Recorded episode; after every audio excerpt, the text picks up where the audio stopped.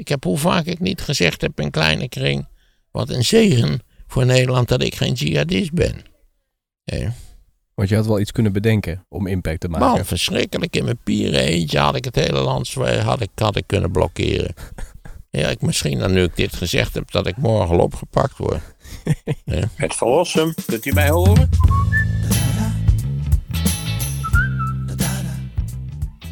Doet de microfoon het? Dat is altijd de grote vraag. Ja, luid en duidelijk. Luid en duidelijk. Heel goed. Misschien om te beginnen kun jij eventjes op ehm, jouw eigen onnavolgbare wijze alle nieuwe luisteraars eh, welkom heten. Want eh, Er zijn nieuwe luisteraars eh, ontstaan. ja, er zijn altijd nieuwe mensen die het dan ontdekken en die vinden het dan hartstikke leuk om te luisteren. Ah, die, die luisteren dan al die 200, weet ik hoeveel het er zijn, afleveringen. Het gekste zijn de mensen die je op straat tegenkomt, die zeggen van, blijven stokstijf staan en zeggen, ik was net bezig om te luisteren naar wat u zei over telescopen. ja. Of, ja, dat vond die meneer zo interessant. Ja, vast wel een kennis met een verrekijker. Kijk zelf eens even. want Dat, ja, dat is wat, je, wat een, een, een, een ongelofelijke impressie geeft, naar mijn idee. Daar moest hij nog eens over nadenken. Vond de telescopen heel interessant, maar of hij zelf dus een ding wilde kijken, was maar de vraag. Omdat Jupiter is, eh, is heel goed zichtbaar en de komende maanden is al een tijdje goed zichtbaar aan de zuidelijke hemel. ja. En als je, hoe, ja, hoe sterker je kijkt, hoe meer je daarvan ziet natuurlijk. En Web heeft ook weer een nieuwe foto gepubliceerd laatst, hè? Ja, ook in, eh, in het infrarood. Dat zag er heel eigenaardig uit toch. Hè? Ook van Neptunus, als ik het me goed herinner. Waar, waar je ook de ringen van Neptunus heel goed kon zien. Feitelijk hebben dus al die gasreuzen, die blijken eigenlijk allemaal ringen te hebben. Ja. Saturnus heeft natuurlijk ringen, maar ook, ook Jupiter heeft ringen. Maar alleen niet van een, eh, hoe heet het, zo solide karakter. Solide, niet, want het zijn juist geen solide ringen natuurlijk. Christian Huygens dacht van wel, maar dat is natuurlijk helemaal niet zo. Dat zou nooit kunnen in principe. En die ringen slijten ook, heb ik begrepen. Dus als je nou, eh, weet ik, voor enkele miljoenen jaren wacht, dan zijn die ringen van Saturnus, die zijn grotendeels verdwenen. Hm. Wat op zichzelf ook alweer. Maar goed, kijk naar Jupiter op de zuid, aan de zuidelijke hemel. Wat leren we eigenlijk van al die foto's van Web? Zetten ze daar ook bij dit is nieuw, dit wisten we nog niet? Ja, volgens mij doen ze dat wel, ja. Dan moet je wel een beetje. eh, Ik denk dat de krant daar wel enige aandacht aan besteedt. Met name de kranten die een wetenschappelijk bijvoegsel hebben. Maar je kunt eh, ook heel makkelijk even op het internet kijken in de, een Amerikaans blad, het, het Astronomy. Die ook fantastische foto's publiceert. Ik kreeg nu ook via de mail een fantastische foto van Jupiter schuin van onderen. Waar je, zo heb je het eigenlijk nooit gezien. En, eh, spectaculair. Nou weet ik niet of dat een webfoto is, maar eh, dat Hubble ook natuurlijk hele mooie foto's van Jupiter gemaakt heeft. Ja, dus in het infrarood zien we dingen die we eerder niet hadden gezien, zonder meer. Hm. Hm. En dat was ook een van de bedoelingen van, eh, van de webtelescoop. Ja. Eh, dat hij een aantal andere onderdelen van het spectrum eigenlijk eh, zou kunnen waarnemen. ja. Nou, mocht je de aflevering over eh, Web hebben gemist, dan eh, kijk eventjes terug in het lijstje, dan kun je hem zien. Ja, het is een fantastisch apparaat. Ja. Ik kan me herinneren bij de live podcast dat mensen nog naar jou toe kwamen. En die zeiden van, heeft u niet eh, dat apparaatje wat u van kinds af aan, heeft u dat niet nog? En kunt u dat niet Ik opnieuw... heb mijn telescoop nog, ja. Ja, maar zet hem nog eens in elkaar op de zolderkamer. Ja, dat is een heel andere zaak. En, en ja, je, je, hebt, je moet in Utrecht is dan maar niks gedaan natuurlijk. Maar op Texel kun je goed waarnemen, ja. Maar dan moet je, ook daar moet je een plek zoeken waar je de sterren helemaal goed kunt zien. Ja. Maar, maar god, laatst toen ik met vakantie was, eh, ja, dan kom je s'avonds buiten en dan kijk je omhoog en dan denk je, "Poh, dat de meeste mensen dat toch missen. Kijk, alle mensen die in grootstedelijke agglomeraties wonen, die zien er geen kloot van. Ja. Ja, die zien een paar heldere sterren en dat is het. Natuurlijk de, de planeten in principe. Maar dat is het wel. Bovendien weten ze dan niet dat er planeten zijn, dus het is allemaal heel treurig eigenlijk. Maar dus op plekken waar, ja, waar het echt donker is en met name ook waar de, waar de, de boel een beetje stabiel is natuurlijk, is het, is het fantastisch. ja. We hadden Earth Day, hè? Vooral, in, vooral in woestijnen natuurlijk. Ja, waanzinnig. Al die, die, die nieuwe reuzentelescopen die staan daar in die Atacama-woestijn. Nou, de afgelopen, was het niet afgelopen week Earth Day dat alles even donker was? Die nacht eh, waarop alle lichten Oh, dat wist ik niet. Ja. Ja. In Leiden hebben ze daar veel aandacht aan besteed. En ook alle kantoren, zijn sommige kantoren die ook zeggen, we gaan het licht bewust uitdoen. Wat terecht Nou, is. het zou enorm nuttig zijn. Alleen, ik kan je verzekeren, we hebben hier wel eens elektriciteitsstoring gehad in de buurt. Het is aardedonker. Ja, Omdat er dan ook geen licht uit de huizen komt natuurlijk. Want daar is het ook. En eh, je denkt, potverdrie, het is wel hartstikke donker hoor. Ja. Maar ja, we moeten besparen. Is het geen goed idee om alle kantoren, ook hier AZR, eh het Nou ja, vaak denk je s'avonds, waarom zijn die kantoren verlicht Ja. alsof het een kerstboom is? Eh, Eh, Amsterdam, als je daar langs die Zuidas rijdt, al die, al die lampen staan aan. ja, dat is een beetje typisch. Dat is niet per se noodzakelijk. Nee. Er waren er nu wel een paar die hadden gezegd, we doen het uit. Maar dat doen ze dan volgens mij bij proef. Ja, er zijn allerlei mensen die de kachel op laag zetten en eh, s s'avonds eh Ja. op de bank met een dekentje over de benen naar de televisie kijken. Ja, waarom dan niet bij die kantoren, vraag je je af, toch? Ik denk eerlijk, eh, je weet dat in het afgelopen half jaar al spectaculaire bezuinigingen bleken te zijn gerealiseerd. Zo waren de mensen geschrokken Ja, van die. eh, en en eh, nog veel gekker bericht, ben nou al vergeten waar ik dat gelezen heb. Was dat de voedselbanken hebben problemen met de aanvoer. De vraag is toegenomen en de aanvoer is afgenomen. En waarom? Omdat de overproductie van de voedselverwerkende bedrijven. Die is veel minder geworden omdat ze zuinig aandoen met de energie. Wat betekent met zoveel woorden, in feite, dat ze onder normale omstandigheden gewoon veel, min of meer wel bewust veel te veel produceren. Dat is toch gek? Nu zijn ze op een zuiniger schema overgegaan. En, en er wordt er aanzienlijk minder geproduceerd. Zodat er ook minder over is, om het maar even zo te zeggen. ja, ja. Dus eigenlijk moeten we Poetin ook een klein beetje dankbaar zijn. Ja, we hebben het al vaker gezegd. Never waste a good crisis. Laten we hier eh, conclusies uit trekken. Dat is eh, hartstikke belangrijk. En, en laten we eens kijken hoe we heel behoorlijk kunnen leven. Misschien wel met 30% eh, bezuiniging op ons energieverbruik. Dat is heel best mogelijk. Ja. Hey, de toespraak van Poetin, epicentrum is het Rode Plein. Hè? En hij gaat, ja, het is natuurlijk duidelijk, de annexatie wordt officieel aangekondigd. Ja, hij raadt zijn arm maar, zou ik zeggen. We weten allemaal hoe het zit. At gunpoint hebben die mensen moeten stemmen in die, in die Donbass-republiekjes. En ja, want we weten dat het flauwekul en oplichterij is en dat het eindigt in gewelddadigheid.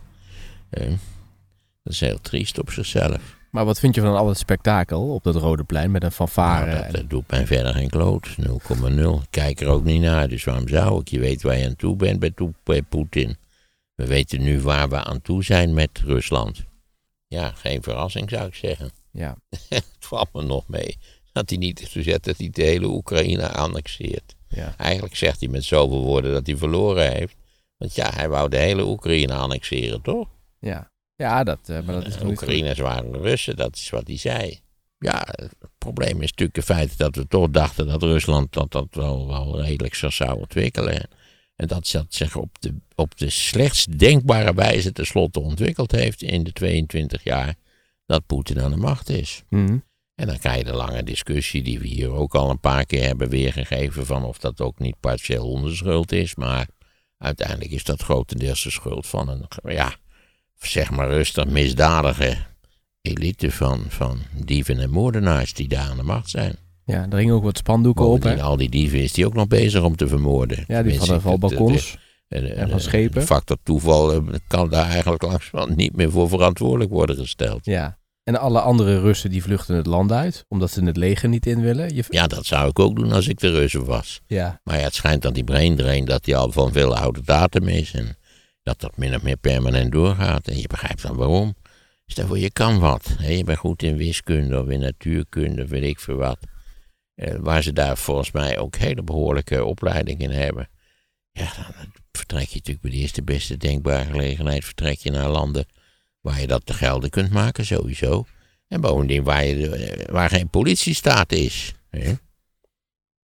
Velen gingen naar Turkije. Dat is nou niet een land waarvan ik denk, daar zou Nee, maar dat is een doorgangsland. Dus ga- bovendien gaan ze naar Istanbul. Kijk, Istanbul heeft in allerlei opzichten heel weinig met Turkije te maken.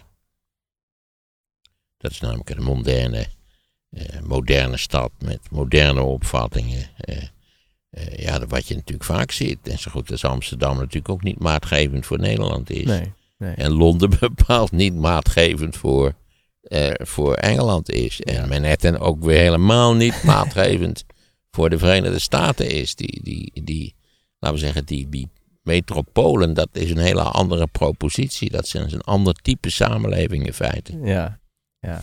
Zou je niet eh, goed vinden als landen zeggen, die Russen, die willen we niet. Laat ze maar in eigen landen. Nee, laat ik ze maar ben erg voor toelating van de vluchtende Russen. Ja? Ja, ik vind het misselijk om ze niet toe te laten.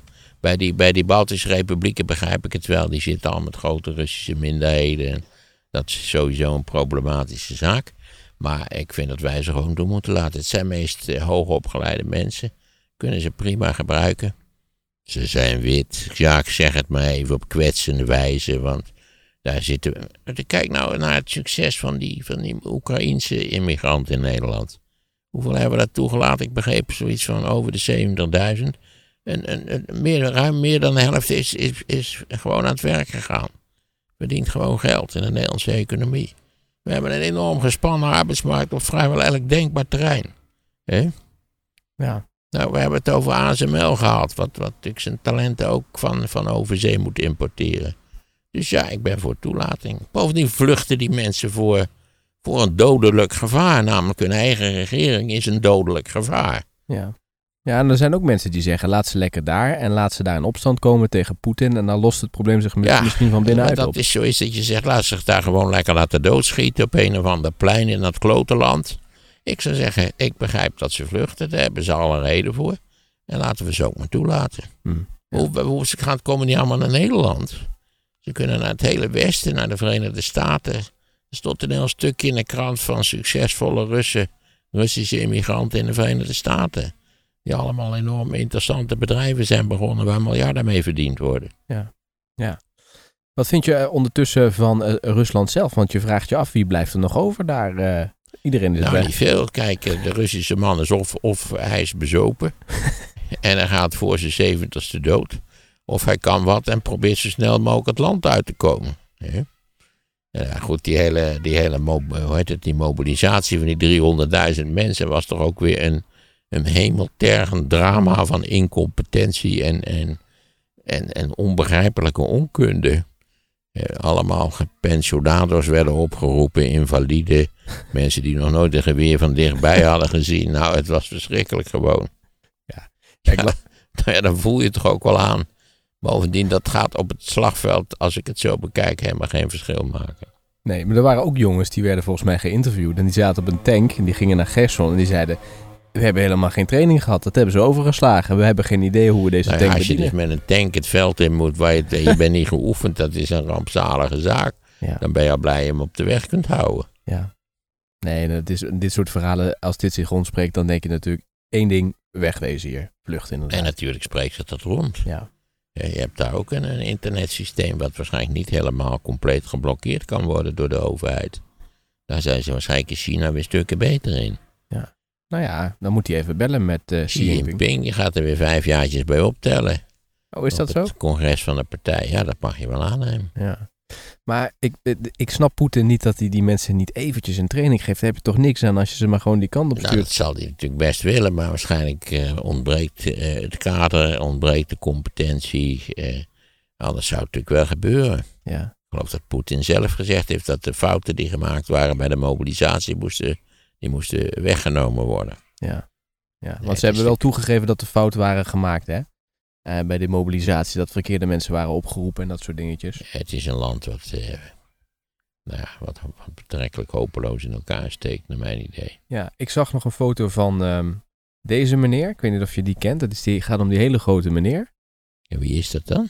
Nou, dat, dat zou gaan om eh, de grootste en de zwaarste bokskampioen ooit. Die is door Poetin ook naar het front gestuurd. Dus een Russische man. Oh, En die is nu ook opge- opgeroepen om naar Oekraïne te vechten. Moet je kijken hoe groot die is. ja, dat lijkt me geen voordeel op het slagveld, maar op het slagveld wordt niet geworsteld en gebokst, bij mijn weten. Dus het lijkt me eigenlijk een, een ja, meer een symbolische handeling. Ja.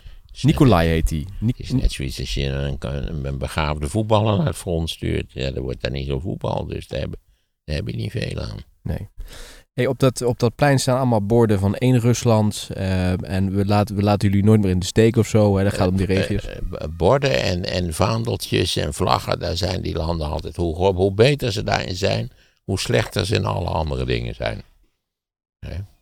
Ja, alle communistische landen hingen altijd vol met slogans en, en, en hoe geweldig het er was. En nou ja, wat ook vaak, zoals je weet, veel, in veel communistische landen is een hele ondergrondse van enorm goede grappen over de incompetentie van de zittende macht. Mhm. Dat zal in Nederland, als we zo doorgaan, zal dat ook ontstaan, denk ik.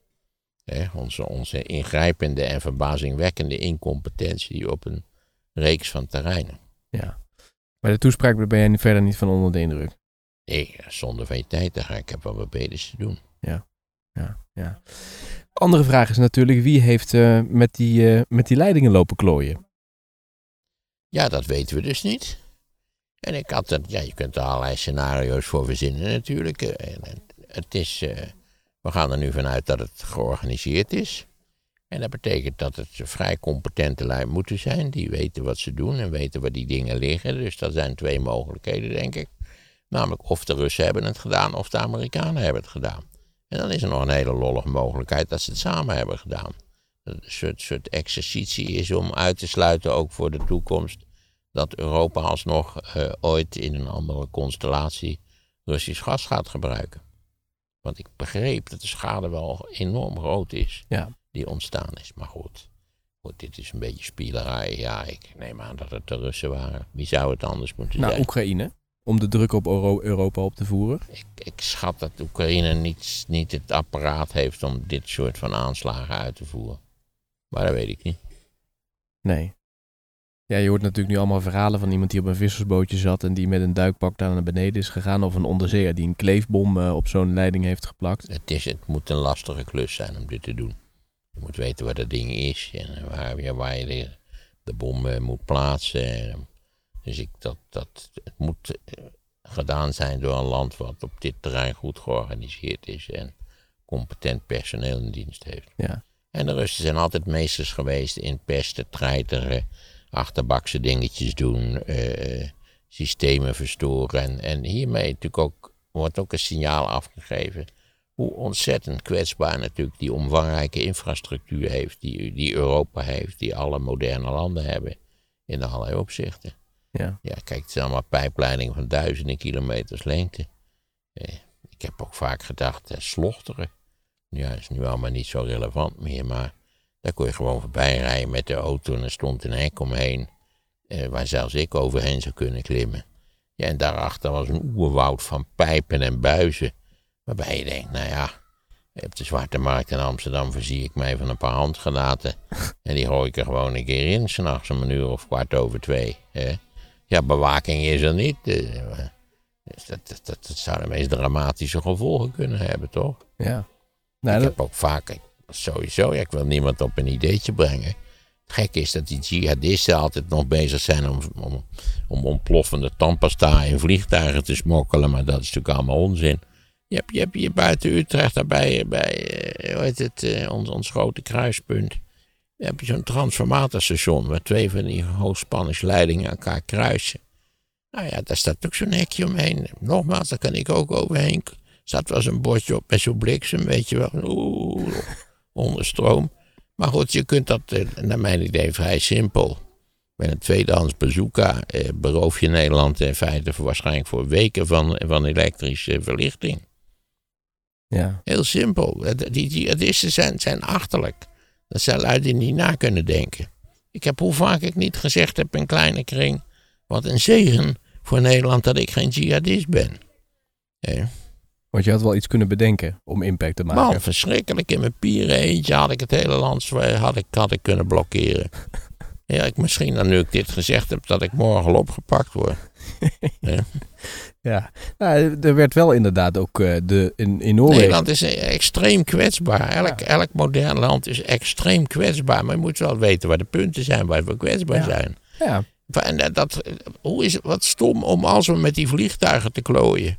Eh, omdat, om, dat is dan het enige wat, wat min, of, min of meer bewaakt wordt. Ja. Nee, de rest gewoon niet. Nee. Nou, de infrastructuur wordt niet bewaakt. Nu wel, hè? Nu gaan ze natuurlijk wel daar strenger naar kijken. Nou, ik wil ze zullen nog eens langs rijden s'nachts, dat het transformatorstation. Ja, niet dat... zou mij heel veel erg verbazen als daar plotseling spotlights waren gekomen. En gepatrouilleerd werd met blaffende honden en zo. Dat zou mij enorm verbazen. Nou, ze hebben het over warmtesensoren, hè, die ze dan, of bewegingssensoren die ze daar uh, plaatsen. Ja, goed, dan moet je nog een soort van een man met een drone hebben die dat, die, die dat bekijkt.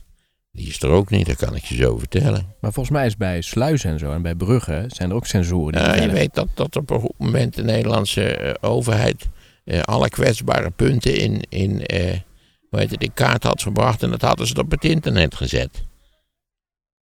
Dat was per ongeluk Ja, gegaan tot, op tot bewust. iemand zei dat dat misschien niet een geweldig idee was om dat te doen. En toen hebben ze er weer afgehaald. Maar ja, je weet dat alles in het internet uiteindelijk blijft. Dit was bewust gedaan. Ja, gewoon, nou bewust stom dus. Ja, ja, ja. Nou, van Noorwegen loopt toch ook zo'n buis naar de rest van Europa? Daar wordt die ook over Nou gesproken. ja, daar werd ook nu allemaal zo ook al sprake van. Of dat niet een soort waarschuwing was aan ons van denk erom. ja. We kunnen hele vervelende dingen doen. Je hebt natuurlijk ook al die communicatiekabels onder zee. ja. Idem dito. Eh, Ik heb begrepen dat de Russen die allemaal in kaart gebracht hebben. Hoe weet je dat? Ja, dat las ik in de krant. Ja, mij hebben ze niet gebeld, dat begrijp je. Maar Nee, ik las het in de krant. nee. Oké, maar als we dus eh, de streep onderzetten, jij weet niet wie het gedaan heeft, maar je vermoedt Rusland. Dat is je eerste Ja, idee. zo zou het. Ja, dat lijkt mij, ja. Ja, ja. Kijk, de kans dat dat door de Luxemburgse overheid is, is uitgevoerd, die is 0,0. Ja, dat verhaal met die Amerikanen vind ik toch ook wel sterk hoor, dat ze het samen zouden hebben gedaan. Hoe heb je dat bedacht? Ja, het leek mij een leuk idee. Dat, dat, dat ze in dit geval hebben zij wederzijdse belangen. Voor de Amerikanen is het belangrijk dat we niet langer van Rusland afhankelijk zijn.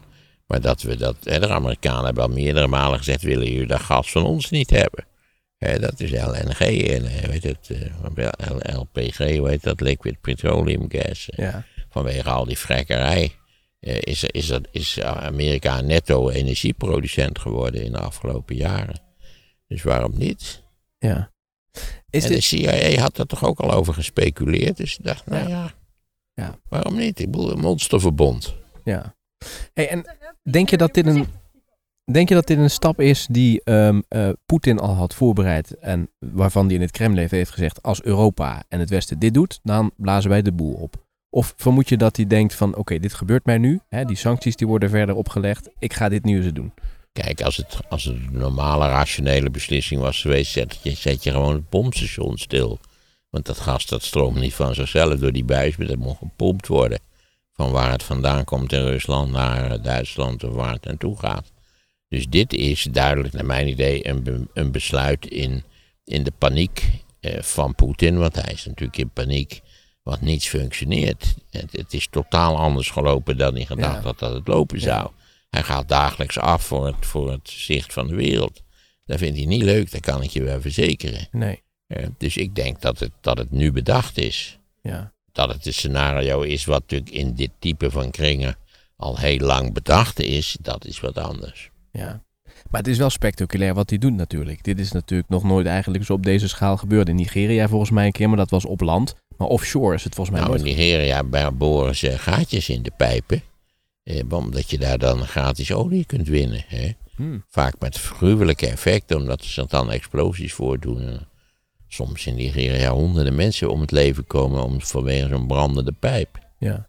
ja. Maar onder water kan ik me niet een voorbeeld herinneren dat het ooit gedaan is op deze manier. Nee, dus daar is wel een zekere mate van expertise voor nodig, denk ik. Ja. Ja. Nou, wie hebben die expertise? Sowieso de Russen en de Amerikanen. Ja. Oké. Ja. Denk je dat we dit kunnen zien met, met satellieten of andere dingen wie dit gedaan heeft? Is dat nog in kaart te brengen? Want er worden nu allemaal onderzoeken aangekondigd. Ik heb geen idee. Ik weet niet eh, of er van, bijvoorbeeld van de OC gedetailleerd satellietmateriaal verzameld is. Eh, of dat opgeslagen is, hoe lang ze dat bewaren. Ik, ik durf daar niets van te zeggen. Nee. Want dit is gebeurd ter hoogte van Denemarken, hè? Kijk, als ik al dit soort van dingen zou weten, dat betekent dat elke verstandige krantenlezer het ook weet. Ja. Dus dan, Ja. Ja. dat is niet waarschijnlijk. ja. Maar ter hoogte van Denemarken lag dit, deze buis. Ja, ik vond het er relatief ver weg van, van Rusland. Misschien Ja. ook expres van, laten we dat nou niet in de Botnische Golf doen, maar laten we dat maar in de buurt van Denemarken doen. Ja. Hey, maar, maar het is natuurlijk wel zo dat de, de, eh, het Russisch gas, daar hoeven we niet meer op te rekenen. Want, eh, Nee, dat lijkt me ook heel verstandig om daar niet op te rekenen. Want eh, als er nou iets gebleken is de afgelopen half jaar, ja, of zo je wilt al ietsje langer, dan is het dat, dat, dat Poetin datgene wat gedaan heeft, wat we, wat mensen met verstandige mensen dachten dat hij niet zou doen, namelijk dat hij de gasleveranties, dat hij die strategisch zou gebruiken. ja. Nou, dat heeft hij nu gedaan en daarmee heeft hij gezegd, ja, eh, heeft hij natuurlijk onvermijdelijkerwijs een streep getrokken onder eh, de Russische gasleveranties aan Europa. Wij zullen iets anders moeten verzinnen. Mhm. Daar zijn we in principe technologisch wel toe in staat en ook financieel wel toe in staat. Maar dat gaat natuurlijk even, de, de, de omschakeling gaat natuurlijk even tijd kosten. Vandaar dat we nu piekprijzen hebben op de, op de wereldgasmarkt. Hmm. Ja. Waar je ook niet al te zenuwachtig van moet worden. Want natuurlijk heel veel contracten in, de- in deze, deze sector, dat zijn langlopende contracten. Precies. Het was ook een beetje gestegen maar hoor. Dus je zag de paniekreactie. Nou Maar ja, we hebben het al over Goldman Sachs gehad. Die zei dat met een jaar of twee, drie Ja. is, is het niet onwaarschijnlijk dat die gasprijs weer terugzakt naar zijn oude niveau. Precies. Omdat er heel veel gasaanbieders zijn. Alleen moeten wij ook wel even omschakelen natuurlijk. ja, ja. En Poetin moet eh, op zichzelf, die zit natuurlijk ook met die gasvoorraden. Die hij wel binnen, die hij wel natuurlijk in de komende decennia kwijt moet zien te raken. Omdat, ja, uiteindelijk zal de energietransitie wel zijn beslag krijgen. En dan heb je niks meer aan die rommel. Nee. Die, die buis die kan afgeschreven worden, hè, want ze hadden al veel eerder... Ja, ik begreep dat de schade groot was en dat het lastig herstelwerk is. En het gas is er bijna ik denk uit. wel dat je er een stukje tussen kunt, eh, kunt eh, solderen. Nou, maar wat ik begreep van de deskundige is dat dat gas dat blijft eruit stromen. En als je niet op tijd ingrijpt, wat dus niet gebeurt, dan loopt het zeewater erin en dan is het eigenlijk verloren. Nou, dan gaat het roesten. Ja, dan loopt, dan loopt dat helemaal in die buis in. En dan is het niet meer te herstellen of heel lastig te herstellen. Ja, wat, wat stond er nou ergens dat er methaan in zat of zo? Nou ja, hoe dan ook. Ja, nee, het is klaar met, het Russische, met de Russische eh, eh, energieleveranties aan Europa. Wat ik, ja, als je al deze dingen nou bij elkaar optelt, dan is dit toch een daad van werkelijk onbeschrijfelijke stommiteit geweest. Anders kun je het niet zeggen. Van de Russen. Ja, hij staat te kijken als een sukkel. Hè. Het, het geweldig gemoderniseerde leger bleek niet te kunnen vechten. Helemaal niet geweldig gemoderniseerd te zijn. Eh, het enige wat, die, wat de Russen produceren, dat zit in de grond wat ze kunnen verkopen. Voor de rest is het niks. Eh, Rusland heeft geen significante industriële export. Eh, het is een land wat in, in allerlei opzichten in ernstige problemen verkeert. De gemiddelde leeftijd van de man is daar, ik geloof, 10 of 15 jaar gezakt in de afgelopen. Het is verschrikkelijk. En dan doet hij dit. Dit was een heerlijke manier om min of meer gratis geld te verdienen. Ja. Niks, niks is fijner als dat, dat al je geld in de grond zit. ja, maar hij wil Europa straffen. Hij wil ons allemaal... eh, hij kan ze veel straffen, maar dan moet hij wel zorgen dat hij de boel op orde heeft. Dan bleek hij dus helemaal niet te hebben. nee. Dat zal hem zelf ook wel verbaasd hebben. Maar Maar ik denk dat nou die- ja, nogmaals, ik heb het vaker gezegd. Als hij mij nou gebeld had, had ik gezegd: joh, kijk nou eens naar andere grote mogendheden. Met, met, met, eh, met, die vervuld zijn van arrogantie over hun fantastische eh, mogelijkheden. Kijk naar de Verenigde Staten en Irak. Wat een onbeschrijfelijke zeepert. Wat een onbeschrijfelijke stommiteit. Ook. Daar zijn dan veel minder mensen bij om het leven gekomen. Hoewel in Irak en in de omgeving. Begin geen oorlog. Nee, maar Of je moet absoluut zeker weten dat je gaat winnen. En dat, dat is lastig om dat zeker te weten. ja. ja. Hij zou ook wel, denk ik, wel zijn naam nu willen vestigen nog een keer. Ik ben bang dat, dat eh, die mogelijkheid voorbij is. Het ligt Hij trouwens kan uit deze, deze verschrikkelijke situatie voor hem. Kan hij natuurlijk met veel propaganda en, en leugen praten. En, en de bekende vlaggen en slogans en al die andere flauwekul. eh, waar dit soort van regime zo goed in is. Misschien nog zichzelf wijsmaken dat er iets positiefs uit is voortgekomen. Maar dat is, eh, nee. Poetin, Poetin is voor, voor het front van, het, van, de, van de troep is Poetin definitief afgegaan. Ja, maar we weten niet wat hij nog in petto heeft. Nee, nou dat weten we heel goed wat hij nog in petto heeft. Namelijk een mobilisatie die van gemeten functioneert. En tenslotte heeft hij nog nucleaire wapens waar hij voortdurend mee dreigt. Omdat het eigenlijk het enige is waar hij nog mee dreigen kan. Daarom zal hij ook wel blijven dreigen, maar ze niet gebruiken. Want als je ze niet gebruikt, kun je er nog mee dreigen. Zodra je het gebruikt, zit je echt zo diep in de puree. Daar heb je geen idee van. De Amerikanen hebben ook al onder water, hebben ze gecommuniceerd met de Russen, als jullie dit doen, dan zijn dit de gevolgen. Hè? Dat is naar buiten gebracht dat ze dat... Natuurlijk, er zijn natuurlijk eh, permanente, eh, niet-officiële contacten. Waarin wel eh, uitgelegd wordt hoe de zaken ervoor staan en Mhm. wat de risico's zijn. Maar wat zouden de Amerikanen dan doen als de Russen deze nucleaire stap zetten? Nou, dat gaan ze niet aan mij vertellen. En dat gaan Nee, ze ook nee. niet aan jou vertellen. We kunnen wel speculeren natuurlijk. En daar zal er, ja, iemand zal er wel over na hebben gedacht, omdat dit soort van scenario's of protocollen, of hoe je het noemen wilt, natuurlijk, daar is natuurlijk al, al decennia over nagedacht. Wat doen we als? Eh, en dat zal ongetwijfeld een complexe escalatieladder zijn. Hè, we zetten, als zij doet dat doen, dan zetten wij stapje A. En tenslotte zetten we misschien stapje A plus B. Maar wat zou dat dan kunnen zijn, stapje A? Je, kunt, je kunt een demonstratieding af laten gaan. Ja, je kunt zeggen van, joh, als jullie dat doen, dan zullen wij demonstreren wat de mogelijkheden zijn. Eh, en als je daar niet van onder de indruk bent, dan zullen we misschien eh, in, in woede zoiets doen. Dat kan. Ja, iedereen is natuurlijk enorm bang dat er een grotere nucleaire oorlog uit voortkomt. Maar dat zie ik voorlopig niet gebeuren. Nee. Maar ze zouden natuurlijk ook kunnen zeggen, wij vliegen naar eh, Moskou en we rukken Poetin daar uit het Kremlin. Ik, dat kun je rustig vergeten. Al, aan de andere kant, er is dat fameuze incident natuurlijk met die Duitse jongen die onder de radar naar Moskou is gevlogen en met zijn vliegtuigje is die op het Rode Plein geland. Heette die niet Roest, die jongen? Ik ken dit verhaal niet. Ja, dat is een ijzersterk verhaal. Kijk, die, eh, die radardetectie van die, van die Russische luchtverdediging, die bleek eigenlijk niet te werken onder de, zeg maar, van in de eerste, weet ik het, 30, 40 meter of zo. Omdat je ook niet voor kunt stellen dat een B-52 op 30 meter hoogte het Russische luchtruim zou penetreren. Dat is dan een beetje risicovol. Maar ja, met een Piper Cup kun je dat rustig doen. Dus hij had ook, had ook geen kaart. Hij was eigenlijk zo'n beetje op de sloten en de wegen was hij gevlogen. Met zijn, met zijn vliegtuigje. En hij is geland op het Rode Plein. Waarmee hij demonstreerde dat iemand met een Piper Cup eh, niet gedetecteerd naar het Rode Plein kan vliegen. En dat betekent dat je, ik weet niet of een Piper Cup, wat daar het hefvermogen van is, maar dat betekent dat je met een, met een bijvoorbeeld een klein, een klein kernwapen zou je ongedetecteerd naar een. eh, Ik heb toen begrepen dat de hele militaire leiding van de luchtverdediging, dat die eruit gedonderd is, toen dat mogelijk bleek te zijn. Nooit van die roest gehoord. Wanneer is dat gebeurd? Ja, dat was nog volop in de Koude Oorlog. Dat is een fantastisch verhaal. Ja, is een fantastisch verhaal, dat is het zeker. ja. Je hoopt dat de Russen Er zijn ook foto's van. Ja. Laten de mensen het maar even opzoeken. Wat waren de gevolgen voor die roest?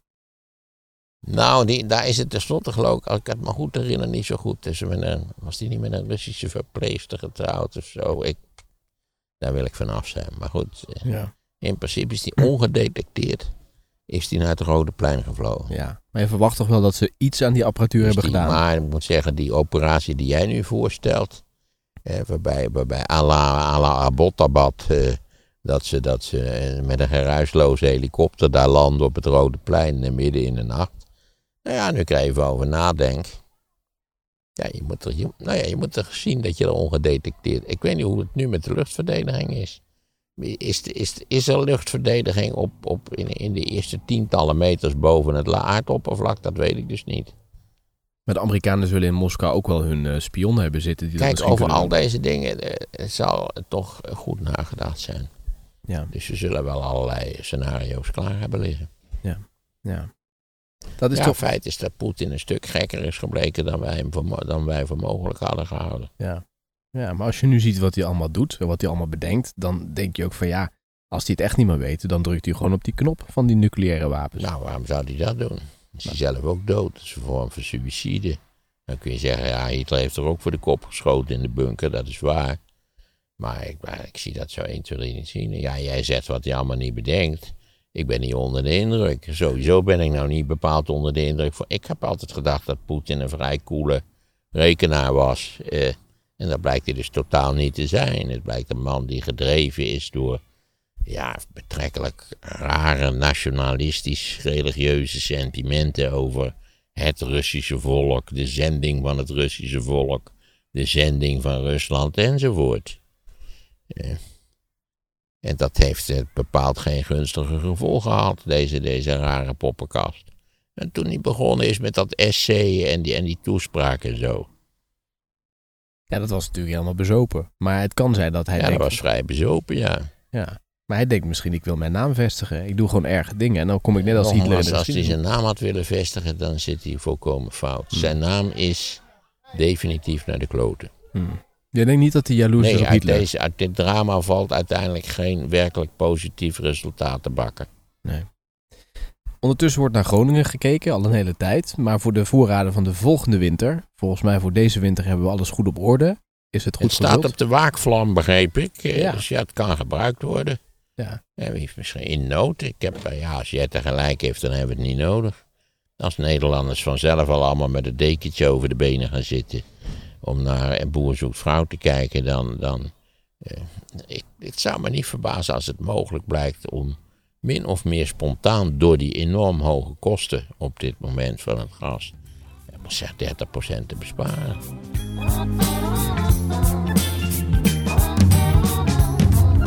Wat een onbeschrijfelijk stommiteit. Daar krijgen we nu een fascistische vrouw. Misschien kan Zweden een unie aangaan met Italië. De live podcast over Europa kun je vanaf nu terugluisteren. Wat een verschrikkelijke gedachte toch. Je denkt wel eens, ik hoop wel dat ik dood ben voordat het echt fout gaat in Europa. Het linkje vind je in de beschrijving bij deze podcast. Nou, dat lijkt mij wel een hoopvolle afsluiting.